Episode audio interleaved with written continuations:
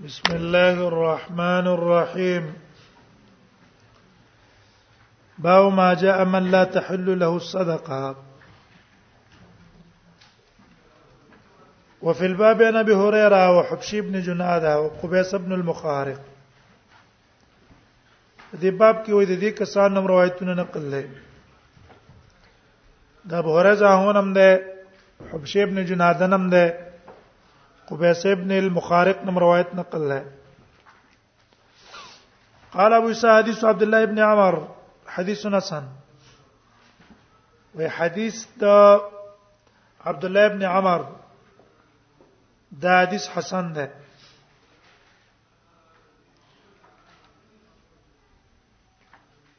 وقد روى شعبة عن سعد بن ابراهيم هذا الحديث بهذا الاسناد دا غنم نقل کړي خو لم يرفعه مرفوع کړي نه رسول الله ته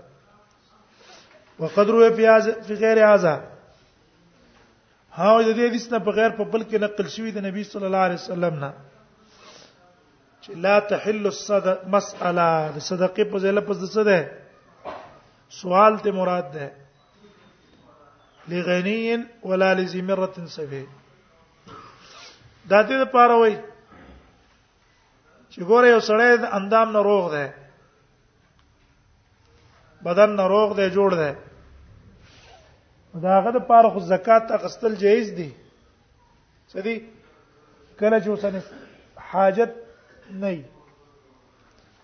د حاجت شته محتاج دی او دونه شی او سره نشته ده چې د داغه ذریات په پوره شي نو دا خو غریب دی ځکه للفقراء والمساکین للفقراء والمساکین والعاملین علیها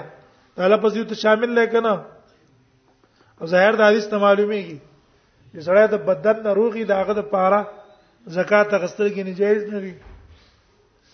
نو دی وجنه اوس مصنف وایي چې بل روایت کې د صدقې په ځای لپس د مسئلې د سوال ته مراد ده د مراد په صدقې باندې لا تحل الصدقه صدقې نه مراد سوال ده سوال د صدقې ده وې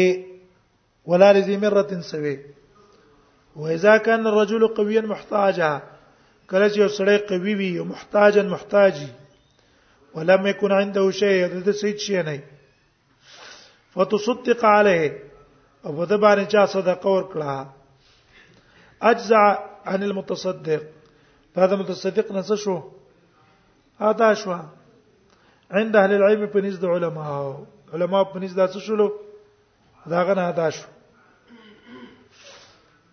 ووجه هذا الحديث او وجه د دې حدیث د بعض علم په نس د بعض علماو هغه علی المساله دا په سوال باندې بنا ده الا تحل صدقه علماء وایي چې صدقې نه مراد څه شولو صدقه ده او هر چې دا سوال له او زکات چې بدن نه سړی روغي هغه د پاره غستل جایز دي او به قال سن علي بن سعيد الكندي قال سن عبد الرحيم بن سليمان المجاهد عن عامر عن حبشي بن جناد السلولي قال سمعت رسول الله صلى الله عليه وسلم الوداع ما د نبی صلی الله علیه وسلم واوریدل په حجۃ الوداع کې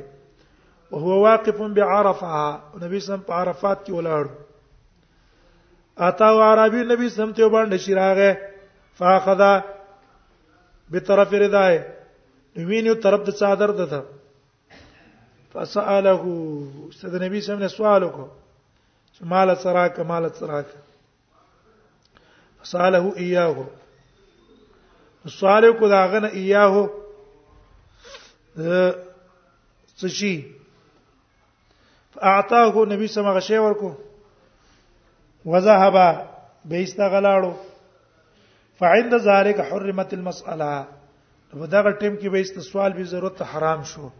فقال رسول الله صلی الله علیه وسلم ویل ان المساله لا تحل لغني ولا لذي مره سبي سوال جایز نه ده غنی د پاره ولا لذي مره نه خاوند قوت سوین چې اندامونو باندې برابرۍ بدن روغ دی او خطاقت والا دی کار کسب کولای شي ولا لذي فقر الا لذي فقر متقع ها مگر خاوند فقر والا د پاره متقع چې یو ځای کړی دا د خاور سره دق دق عامل کی څه تا خاور ته اے دی فقر د څه کړه ده چې سمې د خاور سره یو ځای کړه د خاور رنگي کنه دقه چې د فقر د وجه د رنگم څه ده خړه ده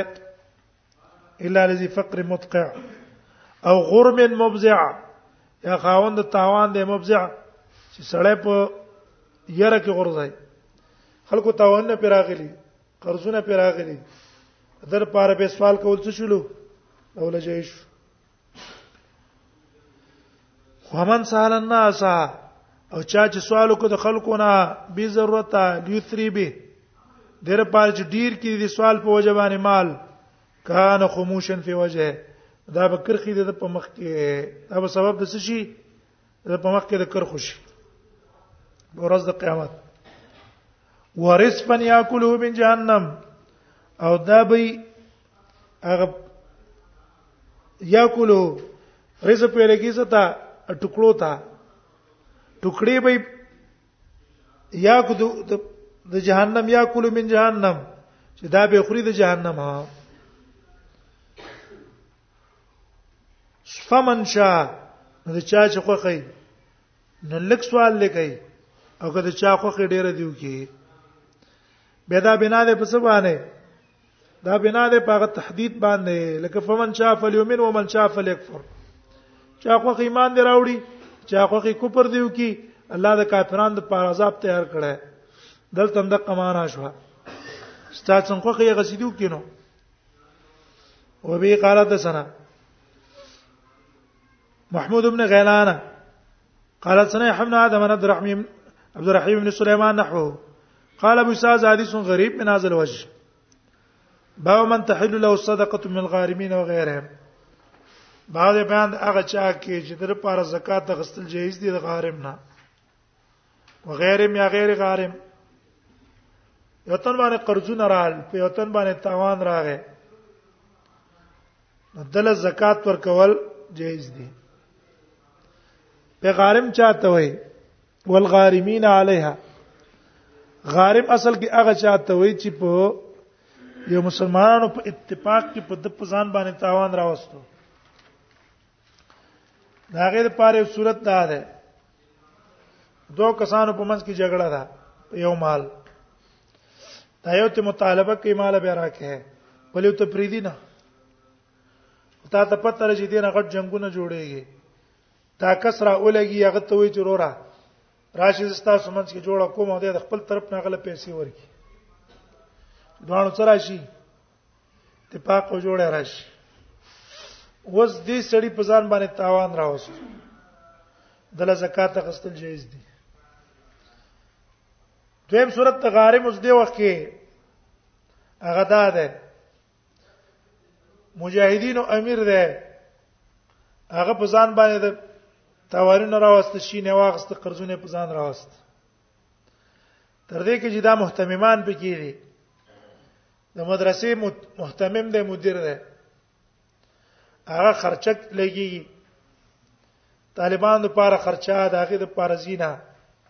او دا را اولګې دلو په دې خرچه کې په د باندې پیسې راتلې تاوان په د باندې راغې نو د لپاره اگر که خپل پیسې مشته د لپاره هم زکات تخصل سوي زکات تخصل له جایز دي د لپاره چې قرضونه پاغي سکی هغه پړډک کی دم په غارم کې داخل نه نو ول غارمین وغيرها وبي قد وبي قالت سنه قتيبه وقالت سنه الله حسن بكير ابن عبد الله ابن الاشج عن عياذ ابن عبد الله عن ابي سيد الخدري قال اصيب رجل رسیدل کړی شو سړی ته زمانہ د رسول الله صلی الله علیه وسلم کې اپته تور رسیدل فی ثمار ابتاعها بار د یو میوه کې ابتاعها چې دا غسته وي دا کسو کو وې دا معاذ ابن جبل معاذ ابن جبل باندې قرضونه ډیر راغلي وو او یو سبب دا و چې دا ډېر سخی سره و دنه بیا قرض واغسته دنه بیا واغسته به ټوله ولګواله سر په قرضونه رال به ته وپا سره نه و دغه یو باغ واغستو باغ چې واغستو نو سړی څخه بیا او کړه جوړه دا باغ د لسله کور پو شو چې څنګه ته واغس است په باغ باندې اپته مصیبت راغی چې پیدا کوی نه کړه کړه نو خلق بسرال خپل مطالبه د قرضونو ته کوله نبی صلی الله علیه وسلم فیصله دا وکړه چې د سره څو ندی دته واخلې چې نور نشته د صبر وته کوي فنظرتن الا ما سره تنگول باندې کوي انتظار کوي مې سره ته کله چې څه پیدا شوي تاسو له به درکې فنظرتن الا ما سره دیو کړه دا شری مسله شوه نو با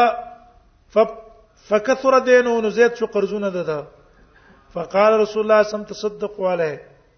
نبی صلی الله علیه وسلم په صدقه ورکړي زکاتونه ول ورکړي دلته مناسبت ته تصدق علیه دل زکاتونه ورکړي فتصدق الناس علیه خلق په زکاتونه ول ورکړه خو فلم تبلغ ذلك وفان خدا زکاتونه ستونه رسیدا وفات ونه رسید دین د د چې کم قرض دی داغه وفات ونه رسید فقال رسول الله صلی الله علیه وسلم فرمایل لغرماء خپل غرماء او ته خذو ما وجدتم واخلی تاسو هغه شی چې تاسو مند کړه او لم یکن وليس لكم الا ذلك ليس لكم الا ذلك سمعنا هذا بعض علما دا قول کړه چې بس ليس لكم الا ذلك دا کم چې په د باندې راغې دغه به تخلی زیدی تن شي غستلای په کوم صورت کې په دې صورت د بيع کې صورت دا ده ماستانه باغ واغستو ردا باغ د سود لس لک روپو ده تا ما تاواله کو او مال را باس کول نه ده است په دې باندې اپته مصیبت سماوي راغی نو آیا دا لس لک روپۍ ستا په ما لازم شوي او کنه امام امام احمد او نور باج علما دا غي مذهب دا دی ليس لك الا ذلك چې دې تبعی چې کمره لدا د مشتری نه ده دا بایع ده وجدا ده چې آفت خو سماوي راغله کما دا باغ نه نه مې اغستې نو د مال بربادې دو کنه مشتری تاوان بنای امام بونیفه وای امام بونیفه چې په د باندې څه ده د باندې پیسې ورکول په مشتری لازم دی ها که بایع تر لګي پریدي او تر استحبابانه ته پرې قسته شي او ليس لك الا ذلك معنا دا شو غرماو ته دا ویل چې اوس به دا پیسې واخلې نور به ته صبر وکړي کله سنور پیدا شوي به به ول ور کوي تنگول باندې کوي چې په دې کې تاسو یې سار کوي معلوم شو دا سړی باندې قرضونه رال غیر شو په قرض کې تاوان پر راغی چې سونه اوسره بدل درکې انده په انتظار کې بس الله الله کوا اب تنګې نه چې دی جیل ته واچي یا بل چیو ته کې نه سره کې الا ذالک نشته در په لیس لکم الا ذالک نشته استاد لپاره مگر دا ده او فی الباب انا عائشه وجویریه وانس ابو باب کې د عائشه او د جویریه او د انس نه روایت نقل ده قال ابو سعيد حديث ابي سعيد حديث حسن صحيح حديث ده ابو سعيد حديث ابي قال ابو سعيد حديث ده ابي سعيد حديث حسن صحيح ده باو ما جاء فی کراهیت صدقه تل نبی صلی الله علیه بیت ہے و مواله باب د بیان د کراهیت د صدقې نبی صلی الله علیه وسلم د پاره چې هغه د زکات تخري او د اهل بیت د نبی صلی الله علیه وسلم د پاره اهل بیت څوک دي چې آل جعفر آل عقیل او آل هشام هاشم اندارې په اهل بیت کې د نبی صلی الله علیه وسلم بیان هم دي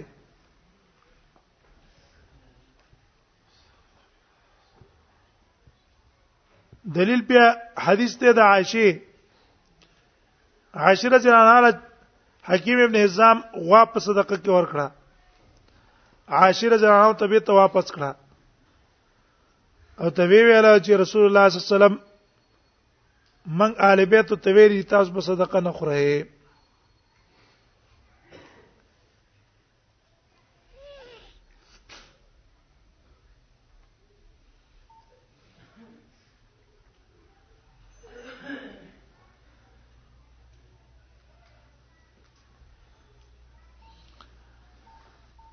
نو آل بیتو کې د نبی سم بیان هم دي و موالیه او موالید هغه غلامان هم په موالیو کې اختلاف ده چې غلام د پاره حکم هم د قصیده کنه یو قول د امام احمد امام احمد وای چې غلامان د آل بیت په حکم د آل بیت کې دی هغه لم زکات خړل جایز نه دی دویم قول دا ده چې نه دا غي په حکم کې نه دی ای وجه دا ده چې په عربیت له خمس کې سوا او غلامان له په خمس کې سشته ده نه دیو نه زکات غسل له جایز دی وای وموالهم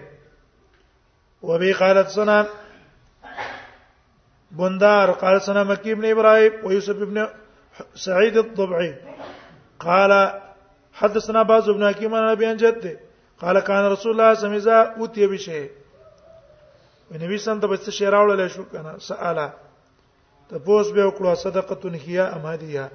دا صدقه ده که هديه ده فین قالو که صحابه تو ویل چې دا صدقه ده لم یاکل به بنه خوړلا وین قالو هدیه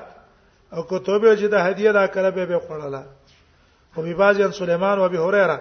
په دې باب کې د سليمان ابي هريره او انس او د حسن ابن علي او ابي عميره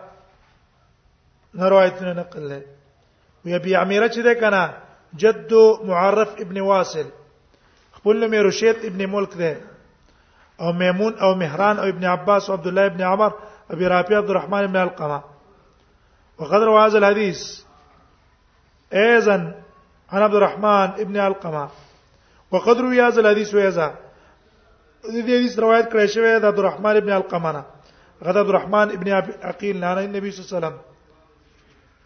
همدارنګه وجدت بحث ابن حکیم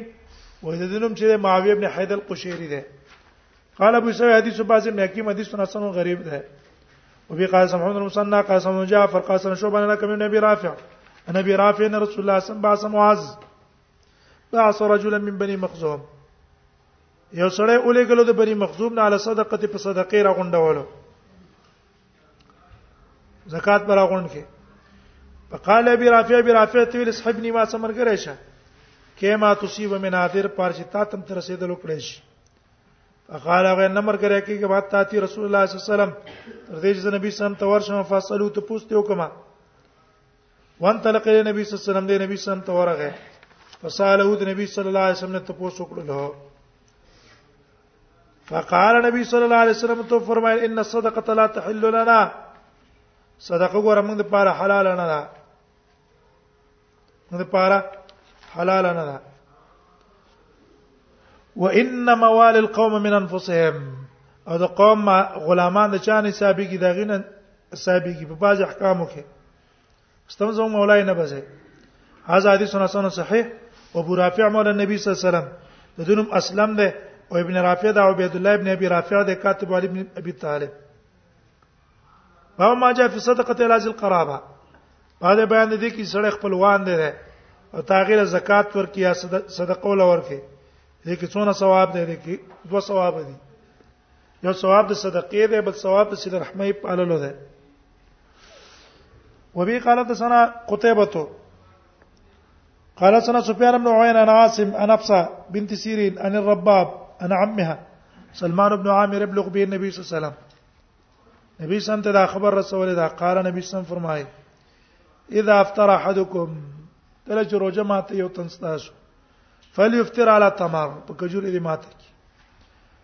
فانه برکه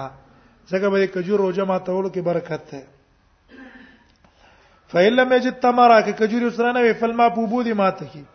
فإنه طهور ځکه دا پاکون کې د انسان د پاره بیا وې صدقه تل مسکین صدقه صدقه په مسکین صدقه ده وهي على ذي الرحم سنتان او په خپلوان باندې دواجر دي صدقه وسله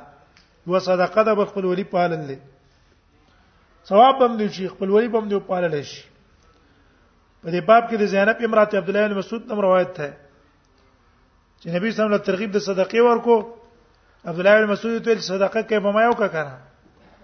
په تا کېږي دا نبی صلی الله علیه وسلم ته پوسو کوی آو بل ولی باندې پالل شي صدقه باندې شي جابر او هريره نم روایت ته قال ابو سعيد حدیث سلمان